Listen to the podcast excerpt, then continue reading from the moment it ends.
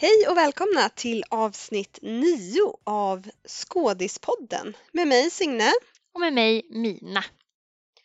Och eh, om det är så att vi har några nya lyssnare som kommer in eh, nu så här avsnitt 9 så är det här en podd om underhållningsindustrin och om livet som skådespelare. Mm, det stämmer. Mina, hur är läget? Ja men det är bra. Det är bara bra. Precis kommit hem här från Grekland häromdagen. Så ja, haft det gött Så i en vecka. lyxigt. Men du är Mm. fortfarande på semester? Ja, nu har jag semester i eh, en vecka till. Härligt! Men det är ett oskrivet blad så vi får se vad vi hittar på. Fantastiskt, som det ska vara. ja, men du har inte semester än. Jag har inte semester, jag går på semester när du kommer tillbaka till jobbet skulle jag tro, så vi går väl precis om varandra. Mm. Eh, Men jag jobbar på. Det är skönt att det är fredag. Det har varit eh, lite segt så här efter midsommar. Det är ju verkligen så att hela underhållnings-Sverige på något vis går på semester så fort Mm. midsommarafton är över. Mm. Men eh, för sist i förra avsnittet då hade du precis skickat in lite self-tapes. Har du fått svar på dem eller? Exakt. Nej, jag har inte fått någon återkoppling än. Nej. Eh, Det var lite större internationella projekt så att jag tänker att det kanske dröjer. Mm. Men förhoppningsvis så händer det någonting. Mm. Men eh, just nu är jag så här frustrerad över den här känslan att eh, du vet om man inte bokar en stor långfilm eller en tv-serie inför sommaren när Mm. de spelas in, då är det som att hela sommaren liksom blir ett vakuum. Ja, bara i väntan på att det ska bli höst eller de andra produktionerna ska. Exakt, för de, de produktionerna som spelar in nu under sommaren, de är liksom redan tillsatta och sen Ja. händer inte så mycket annat. Så man behöver liksom boka något innan midsommar för att det ska bli något under sommaren, annars får man sitta här och rulla tummarna. Och ha semester kanske Signe, jag vet inte, kanske kan vara lite skönt. Jag har inte hört talas om vad det är för någonting. Jo, men jag ska faktiskt ha semester. Jag ska åka bort eh, om en vecka. ja. Det blir skönt. Men eh, idag så har ju vi ett väldigt speciellt avsnitt framför oss. Ja. Vi har ju faktiskt tagit in våran allra första gäst Ja. som vi också har hypat lite här nu på sociala medier och som vi nu ska avslöja vem det är. Eller hur? Mm. Ja, det, jag tycker själv att det ska bli jättespännande för jag känner ju inte henne alls. Jag ser verkligen fram emot att ställa en massa frågor och lära mig nya saker. Exakt, och du har ju faktiskt aldrig ens haft en konversation med den här personen. Nej, bara i chatt nu inför det här avsnittet. Så, Mm. mm. Superspännande, men den personen som kommer vara med oss idag är faktiskt en av mina allra närmsta vänner och branschkollega får man ändå säga.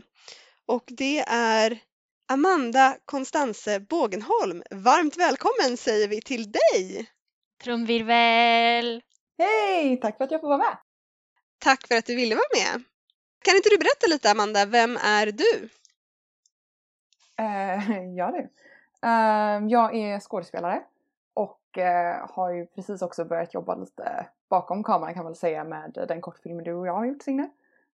Men framförallt är jag skådespelare och har sysslat med det eh, sedan jag var kanske 18 någonting. Um, och jag bor i London. eh, Men pendlar ganska mycket mellan London och Sverige men skådespeleri sysslar jag mest i London med då. Just det.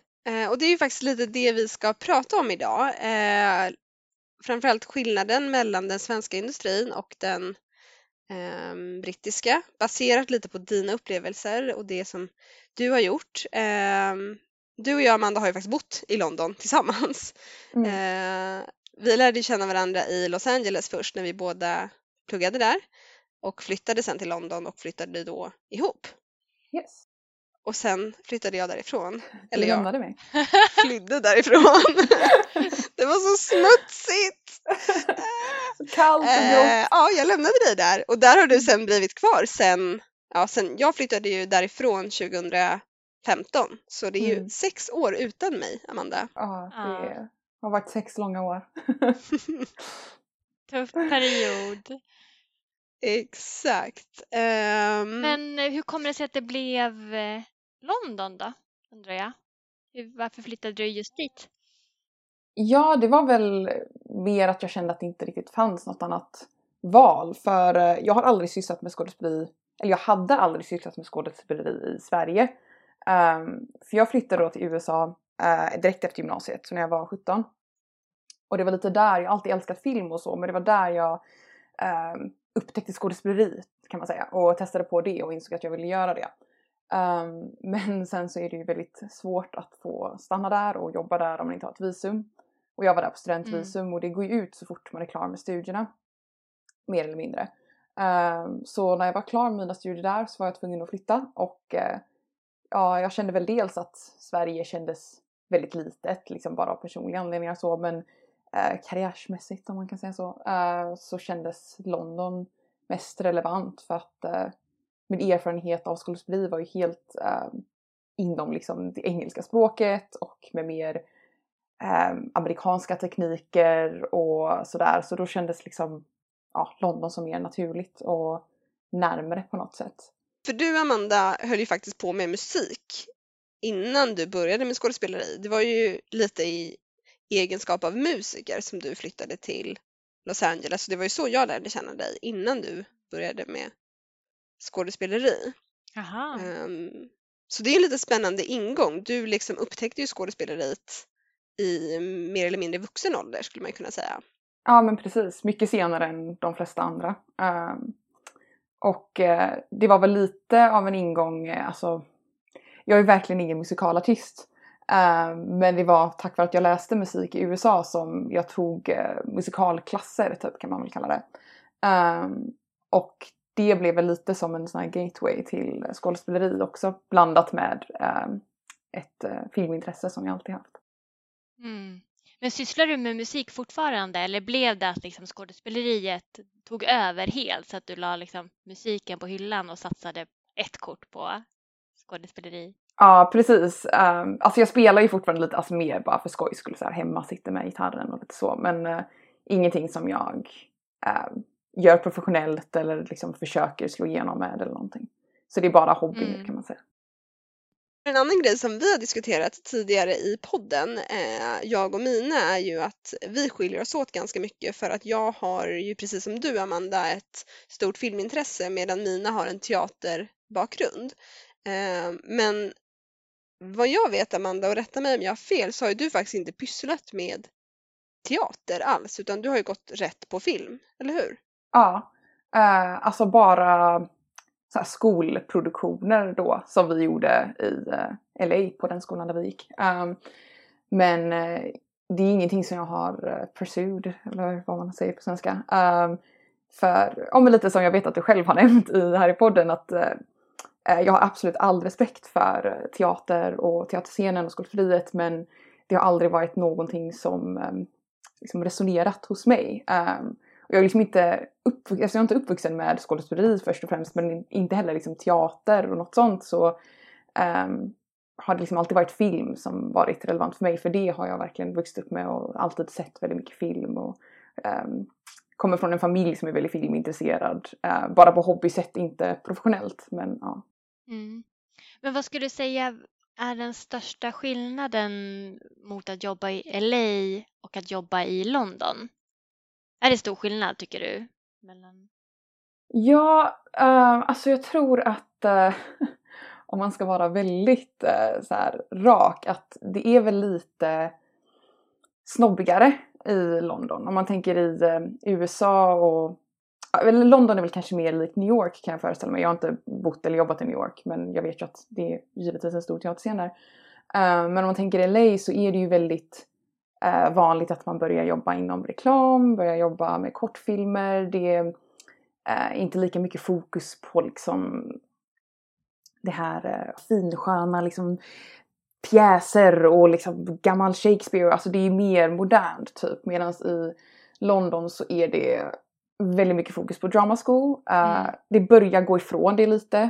Um, tror jag tack vare att um, det kommer väldigt mycket amerikanska produktioner hit och tvärtom och liksom gränserna suddas ut lite. Men um, fram till väldigt nyligen så har det varit alltså, svårt att komma någonstans om du inte har gått på drama school. Uh, vilket då är jag har inte själv gått där, men uh, vilket är typ universitetsutbildning. Um, men jag, jag, tror det varierar lite från skola till skola um, och jag kan inte säga helt säkert men jag tror inte du får samma typ av alltså kandidatexamen egentligen som du kanske får från ett um, vanligt universitet om man ska säga. Så det är lite speciellt um, med drama school. Men ehm, ja. Så det är väl den stora skillnaden där, liksom att det är väldigt traditionellt i England på många sätt. Mm. Det känns ju också som att, eller min upplevelse av att jobba och leva i både Los Angeles och i London och i Sverige så känns ju London som att det finns en förutbestämd idé om vilken väg man ska ta eller vilken typ av skådespelare kanske man ska vara. Medan i en stad som Los Angeles dit det vallfärdar liksom personer, folk flyttar ju från hela världen till LA. Det är liksom en sån världsstad. Ehm, det är ju London också förvisso men det känns som att man behöver anpassa sig mer till, till den brittiska modellen för att ta sig fram i London till skillnad från Los Angeles och kanske även Sverige. Det skulle jag absolut säga. Och ännu mer så idag om man tänker, alltså nu var det ju några år sedan vi bodde i LA då men um, alltså det här med influencers och youtubers och nu är det TikTok och Ehm, man vet allt det här så suddas liksom gränserna mellan olika typer av entertainers ut ganska mycket, speciellt i LA skulle jag säga. Um, medans här i England kan du inte riktigt komma och vara liksom en youtuber eller TikTok-person och förvänta dig att slå igenom någonstans medan eh, de influencersarna får liksom, filmdeals och allt möjligt i eh, LA.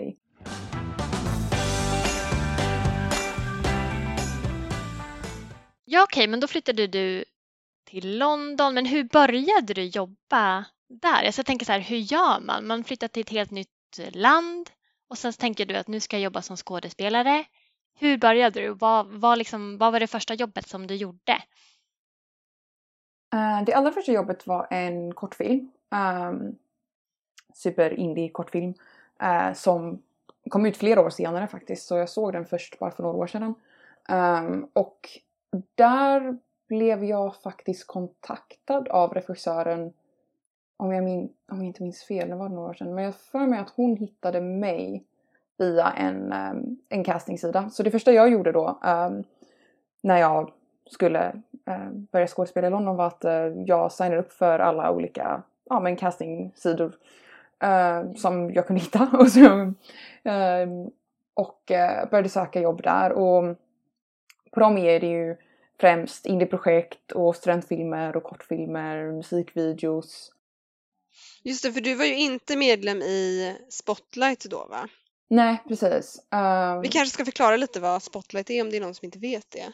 Ja, Spotlight är den största och den mest officiella, eller den är officiell om man ska säga, eh, castingdatabasen i eh, England, eh, eller UK då kanske man ska säga. Mm. Um, och det är, gud jag vet inte riktigt hur man ska förklara det men du måste i princip vara medlem där för att bli, för att ses som en liksom skådespelare för um, du kan fortfarande få jobb om du har tur och liksom via mindre officiella sidor och uh, mer indieprojekt och studentfilm och sånt. Det kan du fortfarande få via andra castingsidor.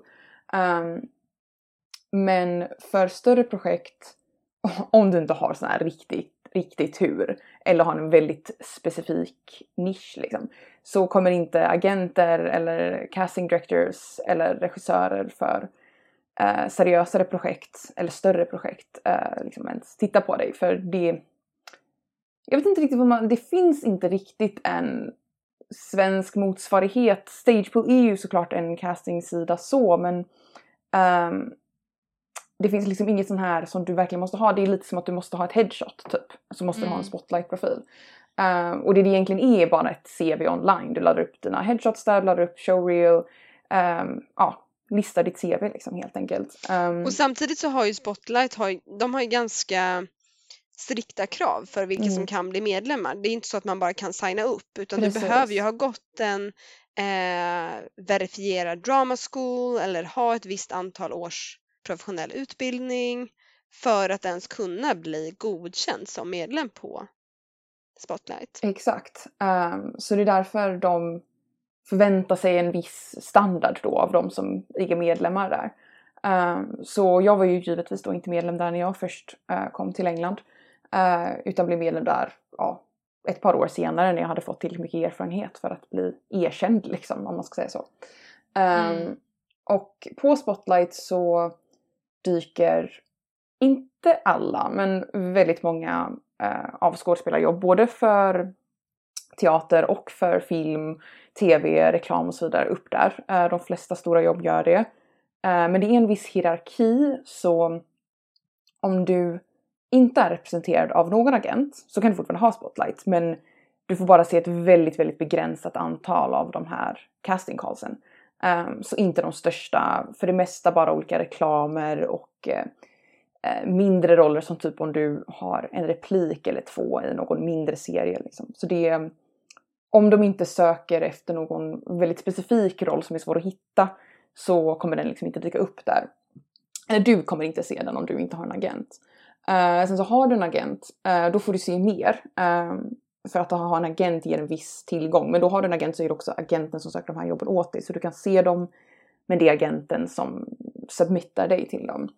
Men även där så är det en viss hierarki. Uh, för det finns ju agenter som är väldigt små, väldigt butik. Och sen så finns det de som är de här toppagenterna som representerar Hollywoodstjärnor, engelska Hollywoodstjärnor. Um, och de allra största behöver inte ens gå in på Spotlight egentligen för de har ju kontakt med casting directors innan liksom. Um, så de har ju en mer personlig kontakt där och sen så går det liksom neråt i hierarkin eller vad man ska säga vilka som ser vilka casting calls. Um, så ja, jag vet inte om det made sense men mm, det... det gjorde det absolut. Men var någonstans hamnar då en sån person som du? Och väldigt, väldigt långt ner. väldigt långt ner. Um, så det som väldigt många i min situation gör, alltså dels söker man jobb via Spotlight också. Ehm, men som brukar funka bättre för sådana i min situation är att utöver det också kontakta casting directors uh, personligen, alltså skriva mail till dem. Och uh, det är inte lika tabu, eller jag vet inte, det är inte tabu i Sverige heller.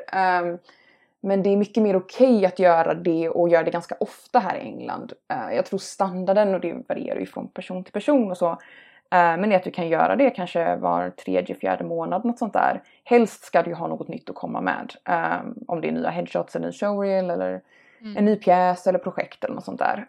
Um, men det har funkat bäst för liksom, de som jag har pratat med och sådana som ligger på ungefär samma nivå som jag då eller liksom inte har representation eller ja, vad det nu kan vara. Um, så kommer du liksom bättre fram att faktiskt gå runt Spotlight på så sätt. Sen måste du fortfarande ha den här Spotlight-profilen och när du skriver till en casting director så kommer du fortfarande länka din Spotlight-profil och sådär. Men um, um, det vet jag att de flesta är liksom, som jag känner har fått mest framgång inom. Mm. Ja, det där är ju jätteintressant för så fungerar det ju inte i Sverige. Alltså här ska man ju mm. helst inte kontakta casting directors uh. själv på det sättet. då, utan... Nej, och om du gör det då är det ju verkligen i specialfall liksom mm. att du vill bjuda in till en pjäs eller ja. eh, till en premiär eller att du verkligen har något väldigt specifikt nytt att komma med. Mm. Ja. Jag kan tänka mig att det kanske är för att Eh, Eh, det är så mycket fler casting directors och så mycket fler skådisar här att det blir liksom en vana att få det här flödet. Eh, för dem. Det, detta är bara jag spekulerar men jag kan tänka mig det medans um, i Sverige som är mindre att om du, du lär känna personer kanske lite snabbare um, som du liksom har en och samma skådis som skriver till dig fyra gånger om året så blir det ganska tjötigt jämfört med här då de inte kommer ihåg skådisarna på samma sätt kanske eller så. Mm. Ja men precis, där finns det mer en chans alltså för dig att faktiskt också visa upp dig för någon som ja. inte har sett dig tidigare. Det existerar ju kanske inte riktigt i Sverige på samma sätt utan de flesta precis. har ju koll på alla skådespelare redan. det tycker att de ja. har. Mm. Men jag tänker så här, när du fick det första jobbet, för som jag och Signe pratat om i något tidigare avsnitt så är det ju ganska vanligt här i Sverige att man i början kanske jobbar gratis. Är det någonting som man mm. gör i London också när du fick det första kortfilmsjobbet till exempel? Ja, absolut. Um, den var helt, eller det brukar ju vara så att uh, uh, man får sina travel expenses covered och mat och sådär då såklart. Mm. men ingen liksom lön och, överhuvudtaget så det var det inte på den. Eh, det har det inte varit på de flesta kortfilmer, studentfilmer jag gjort på. Det har varit lite, det varierar lite. Eh, även bland studentfilmer så finns det mm, de som är för eh, filmskolor och sånt brukar ofta ha att de faktiskt betalar um, för det är utefter en viss standard där. Um, men så det är lite varierat men ofta så är det ja, mycket gratisjobb där i början. Liksom. Um, så man får material till sin showreel och sådär i utbyte som, um, som ja, är väl standard då. Mm.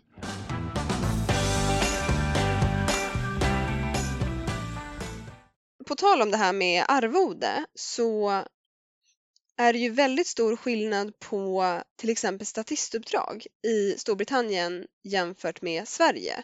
För i Sverige kan ju en statistlön för en dags arbete ligga på allt ifrån en biobiljett och fika till 999 kronor. Medan i England och i Storbritannien så kan man ju faktiskt nästan försörja sig på att arbeta som statist. Ja. Vilket jag vet att du har gjort, Amanda. Precis, uh, när det är en helt annan standard. Um, för det är ju lönerna sätts för, om man tar bara statistjobb då, um, även skådisjobb men det blir en annan sak, men de sätts ut efter, uh, vad ska man säga, jag, gud jag vet inte om jag säger fel nu för det blir liksom lite såhär lost in translation men uh, basically fackföreningslöner så det är liksom satta och de ökar med varje år så för ett statistjobb som är mm, det kan vara lite annorlunda inom reklam. Um, men för de som är då för tv-serier eller filmer, då är det att du har en day rate och sen så har, får du vad det är, holiday pay, uh, travel expenses och uh, även overtime. Och det varierar beroende på, um, så du får mer, eller du får overtime tidigare om du inte får en timmas lunch. Um, och uh, du får liksom extra betalt om det börjar jag kommer inte ihåg exakt klockslaget men väldigt tidigt på morgonen. Eh, om det är väldigt jobbiga vad ska man säga, conditions som du filmar i. Typ, jag tror det var en bekant med som filmade i att det är fake regn typ. Så de liksom blev nersprutna med vatten så får du extra betalt för det. Så det är liksom alla um, så många olika steg blir liksom väldigt betalda och om du har med egen kostym så kan du få extra betalt för det. Det, det varierar lite beroende på produktionen men um, du kan räkna med ganska bra betalt uh, för varje jobb, för varje dag. Mm. Um, sen så tar ju då agenturen, för man har um, agenturer för statistjobb också, de tar ju då en procent precis som skådespelaragenturer gör. Och sen så får du också extra betalt om du har syns så att du liksom tekniskt sett blir uppgraderad till featured uh, även om du tar en replik. Um, och via samma agenturer så kan man få jobb som double eller stand-in och det är också mer betalt. Um, så det är...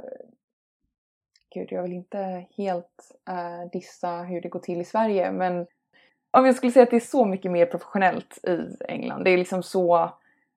Um, alltså i statistyrket och även liksom närliggande yrken då som double, um, stand-in, featured det blir mer respekterat på något sätt för det blir som ett riktigt jobb. Det är liksom inte att du får en hundralapp som kompensation och de argumenterar för att oh, men det är bra erfarenhet för dig utan nej, nej, du får betalt.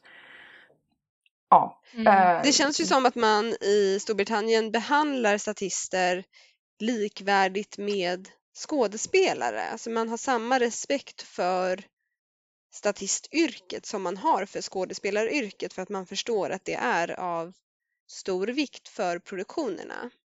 Ja men precis. Uh, jag skulle inte säga att man får lika mycket respekt som en skådespelare.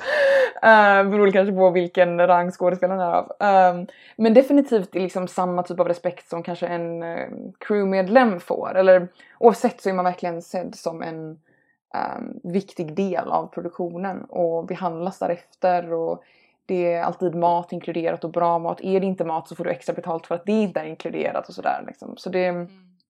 um, det är väldigt mycket mer professionellt strukturerat, komplicerat, organiserat, allt så. Um, Ja, men jag tänker att det gör ju också att man faktiskt kan livnära sig som statist. Det skulle man ju aldrig någonsin kunna göra i Sverige. Och det öppnar ju också upp för att om man vill jobba som skådespelare, alltså jag kan tänka mig att det är många i UK som kanske är skådespelare men som även jobbar som statister då. Ehm. Eh, Precis. Uh, nej men det är det absolut. Uh, jag har själv jobbat mycket som statist för att, ja, men som ni vet så är det ju väldigt svårt att som skådespelare ha ett jobb som du också kan betala hyran med för att de flesta sådana jobb uh, kräver minst deltid, kanske heltid. speciellt här i London då hyrorna och sånt är väldigt höga. Mm. så statist är ju liksom väldigt bra att det är så non-commitment. det är aldrig long term, eller det kan vara long term om du vill det. Liksom, om du signar upp för att vara på en produktion under flera veckor så i vissa fall så kan det vara så beroende på vilken scen de spelar in. Um, men det är väldigt bra att ha runt om ditt skådespeleri och jag skulle vilja säga att åtminstone hälften, kanske mer, av de statister som jag har mött on har också eh, jobbat antingen som skådespelare eller som något annat inom filmbranschen, men främst skådespelare då. Um, och också för att um, det är inte alls döms en väg in som skådespelare. Uh, och det är ju ingenting man någonsin ska förvänta sig. Men däremot kan du, jag har väldigt många bekanta som har fått ja, men till exempel jobb som doubles um, och så. Jag har själv gjort ett väldigt litet stand-in jobb via statistagenturer så du kan få uh, kontakter uh, och du kan få andra erfarenheter inom industrin.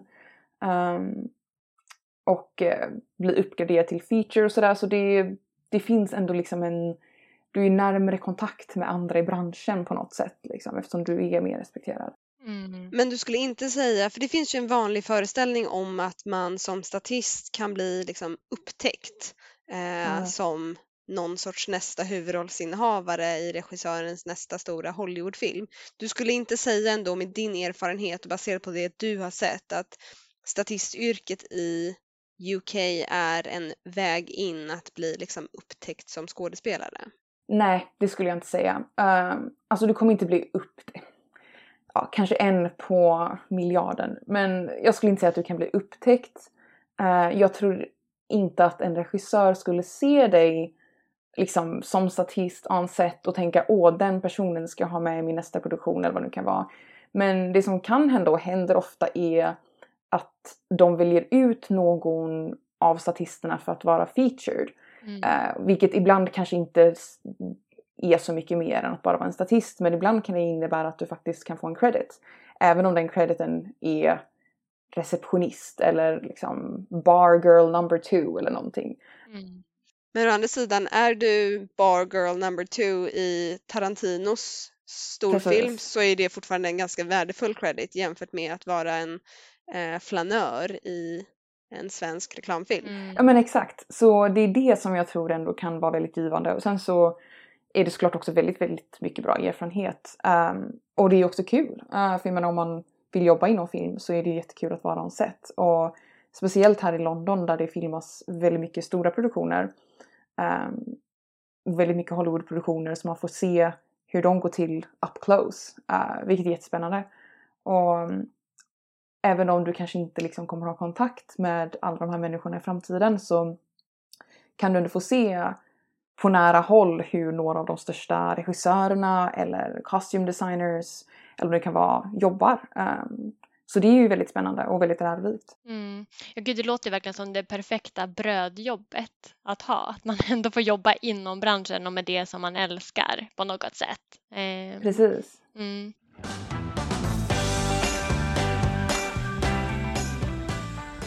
Men Amanda, sen jag flyttade från vårt gemensamma hem i London så har ju du också gjort allt ifrån att studera typ 200% och jobba på Harrods och jobba som statist och eh, flyga fram och tillbaka mellan London och Sverige.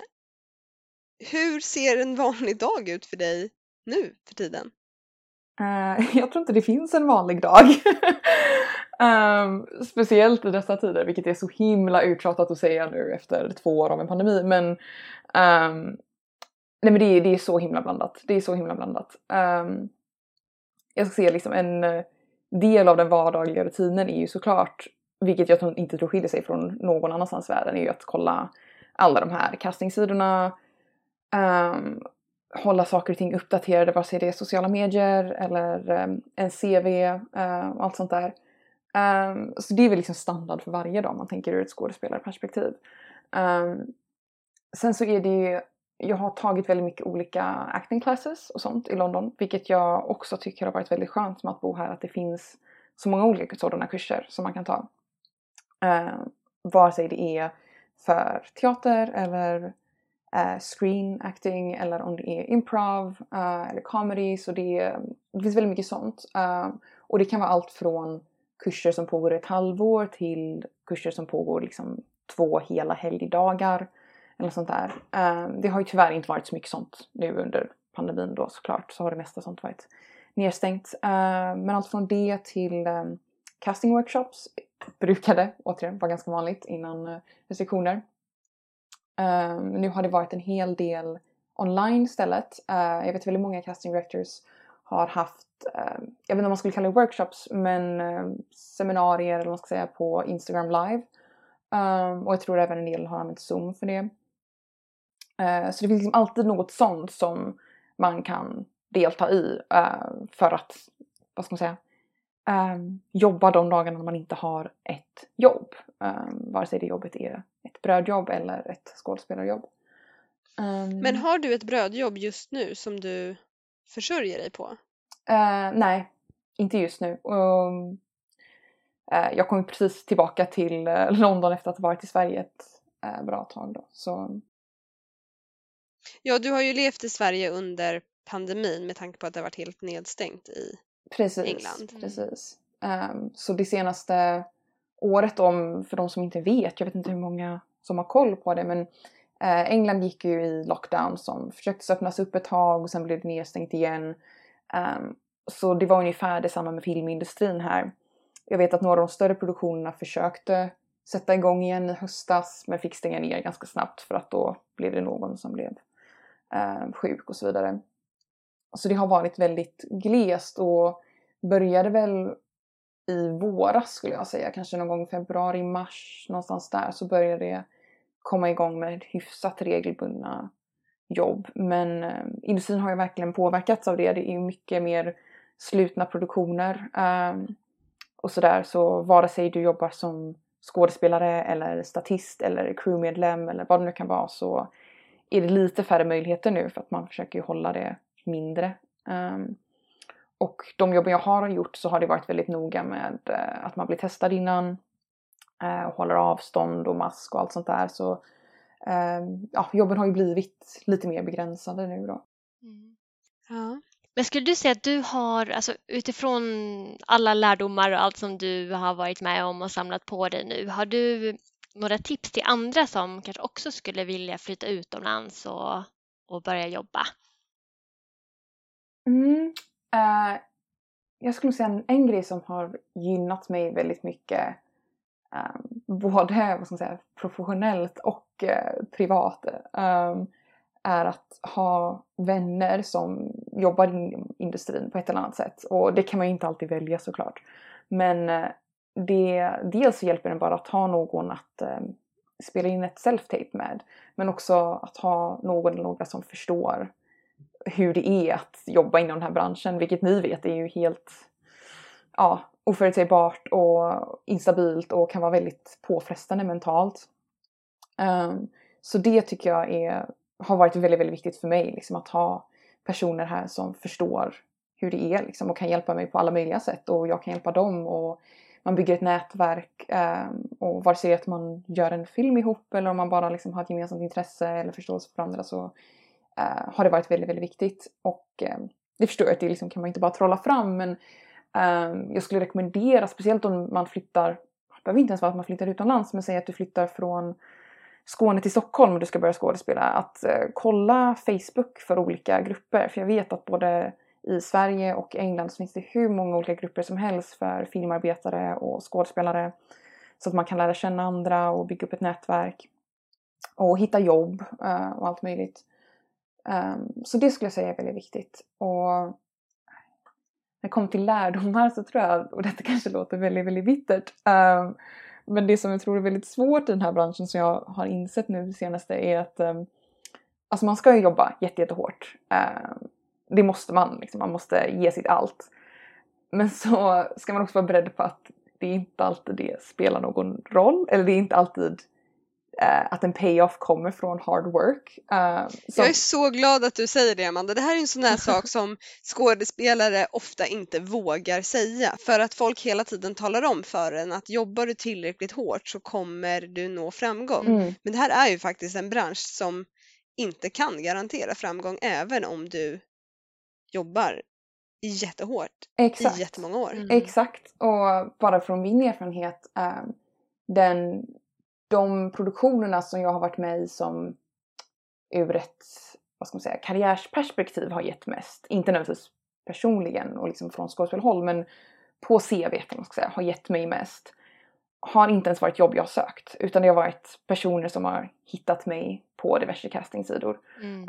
Um, och då kan man ju tycka att ja, ja, jag put myself out there, vilket visst det gjorde jag och jag byggde väl upp någon form av profil som de attraherades av. Men det var fortfarande inte jobb som jag sökte utan det, någonstans är det väldigt mycket tur där också.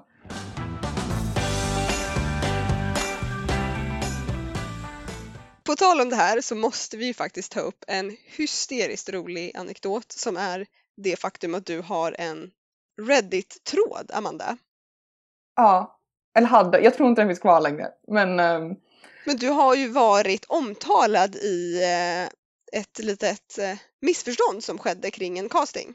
Ja, precis. Uh, det var en eh, tv-serie, eller är en tv-serie, um, som uh, har en ganska passionerad, underbar fanbase. Um, eller en franchise eller vad man ska säga. Nu är jag väldigt diffus i vad jag syftar på men ehm, och en person som driver en fansida eller fanpage, ja vad säger man, för det här då hade hittat min profil och misstänkt att jag var del i den här produktionen, att jag var castad i den.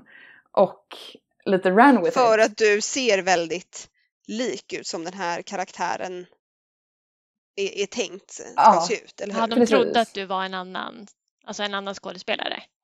Nej, uh, de trodde att jag hade blivit castad uh, som den karaktären. Det här var ju, det pågick ju på internet en ganska intensiv gissningslek om mm. vilka skådespelare som skulle bli castad i de här olika rollerna Aha, för den här tv-serien. Mm. Och där någonstans, om jag förstår det rätt, så dök ditt din profil upp Precis. och du ser väldigt mycket ut som någon som skulle kunna spela den här karaktären. Ja, och då, det var jättekul för då var det liksom flera fans som lite såhär latched on till den här idén och liksom spred vidare det. Um, vilket var en väldigt uh, så här, confidence boost och det var väldigt kul att se. Um, och alla var väldigt, väldigt snälla och vissa hade väldigt roliga, snälla kommentarer. Mm. Uh, som jag nog inte ska säga för de är liksom inte safe for work. Men, um, men det, det, har inte lett till någonting så liksom. Men uh, sånt är ju väldigt kul. Men det var ju väldigt roligt. Jag läste ju såklart, eh, eftersom jag är ditt största fan, så läste jag ju igenom alla de här trådarna och allt som pågick, allt skvaller som pågick kring dig och det var ju väldigt roligt att folk Folk var ju väldigt eh, vocal om hur perfekt du skulle vara i mm. den här rollen och att om du inte var castad så hoppades de att du skulle bli det för att du passade precis in och sådär. Ja, det var väldigt Man hade ju hoppats att rollsättaren skulle liksom latched on och tänka att ja, men vi, precis. vi tar det här. Precis. Och det är ju ibland man ser så i eh, större produktioner, eller inte större produktioner men produktioner som är baserade på eh, en bok eller comic book eller ja, vad det nu kan vara. Så brukar det vara väldigt mycket fancasting innan.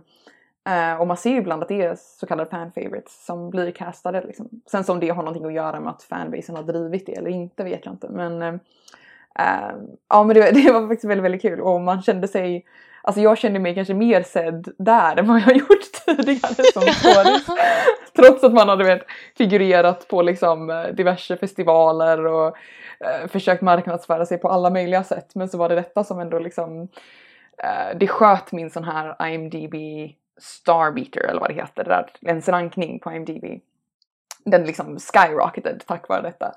Uh, sen så sjönk den ju ner väldigt snabbt igen. men, um, nej men så det var faktiskt väldigt kul. Uh, och det tror jag om, om man ska dra någon lärdom för det så är det väl att det kanske är uh, även om den inte har gett mig någonting kanske egentligen så är det väl väldigt bra att uh, ha en presence online så att säga och det är ju väl det väldigt många casting directors nu för tiden säger också att man um, ska liksom finnas där.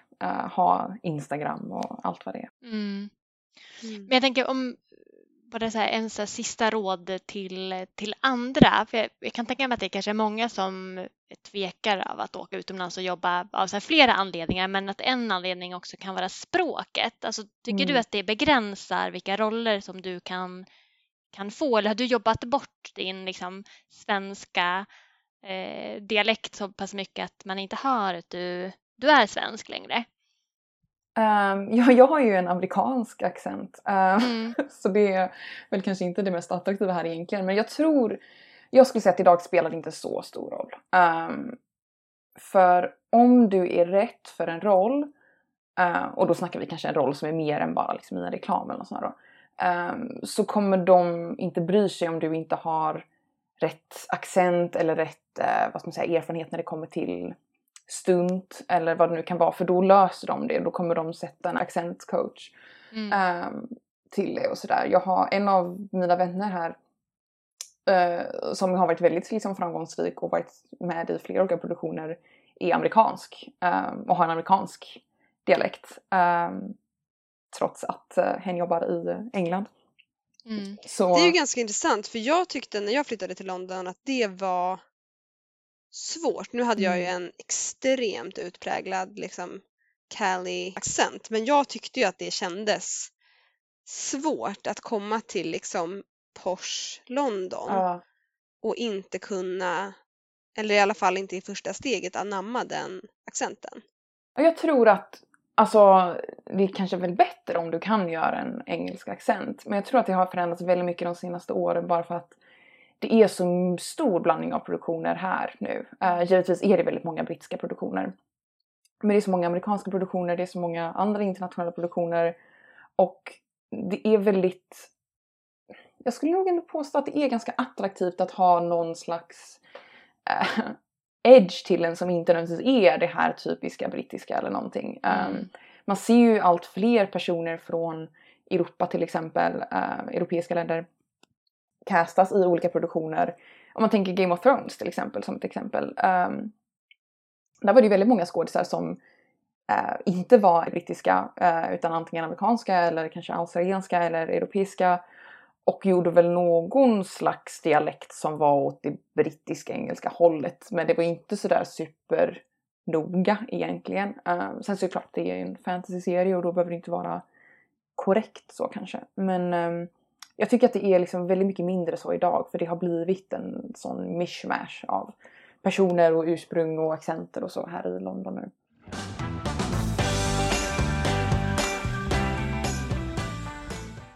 Men innan vi rundar av nu Amanda så tänkte vi att vi ska ställa tre snabba frågor till dig. Någonting som jag spontant introducerade i förra avsnittet.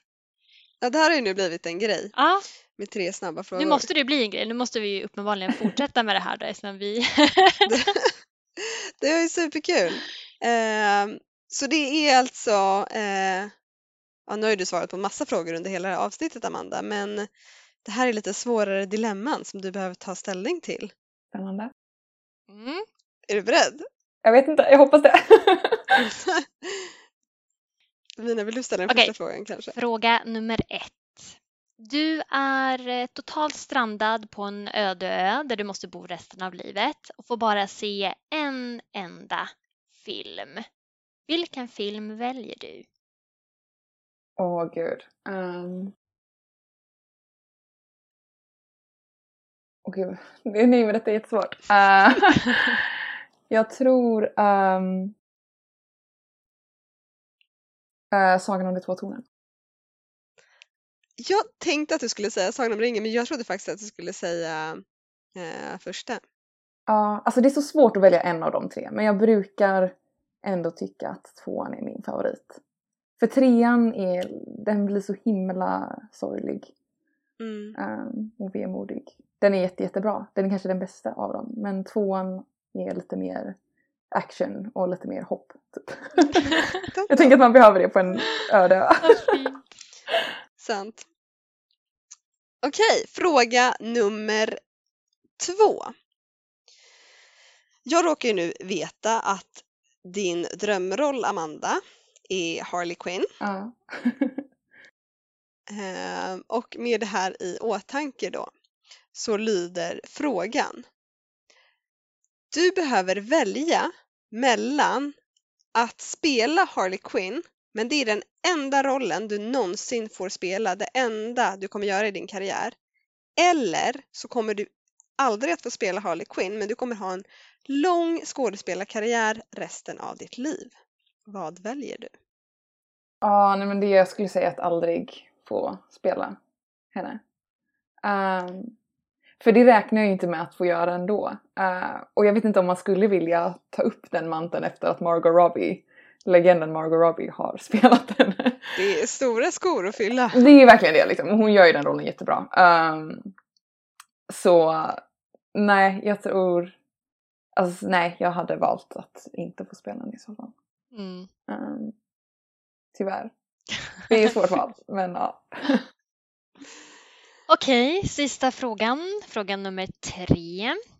Ehm, du kan nu välja, eller Signe har i alla fall avslöjat för mig att din dröm här är att flytta tillbaka till Los Angeles. Den här Mm. frågan är baserad lite på det. Så att antingen så kan du välja att flytta tillbaka till Los Angeles och inte jobba mer som skådespelare. Eller bosätta dig för alltid i Sverige och jobba som skådespelare. Åh gud. Ehm, men då, alltså, om jag, får, jag får fortfarande jobba på andra ställen än Sverige som skådespelare, eller? Nej, Alltså jag får bara jobba som skådespelare i Sverige. Du är permanent alltid i Sverige, Ja, nej, jag, men nej. får jobba som skådespelare. nej, det går inte. Det går inte. Då hade jag hellre inte fått jobba som skådespelare. Men jag kan ju fortfarande jobba inom något, eh, alltså med något annat inom film då ju. Och bo i LA. Antar jag. Ser du hur hon hittar Mm, kryphål mm, här i mm. våra Bra. frågor? Ja, du ogillar Så, nej, Sverige valt. så mycket. Ja, alltså jag gillar ju faktiskt Sverige ganska mycket men jag kan inte, jag kan inte bo där bara. Det går inte. Nej. Det går tyvärr inte. Ja, hörni, det var allt vi hade för idag. Ja, stort tack Amanda, superkul att prata med dig. Detsamma, tack så jättemycket för att jag fick vara med. Det var our pleasure. Och Amanda, vi hörs någon annan gång. Ja. Hej då! Hej då! Hej!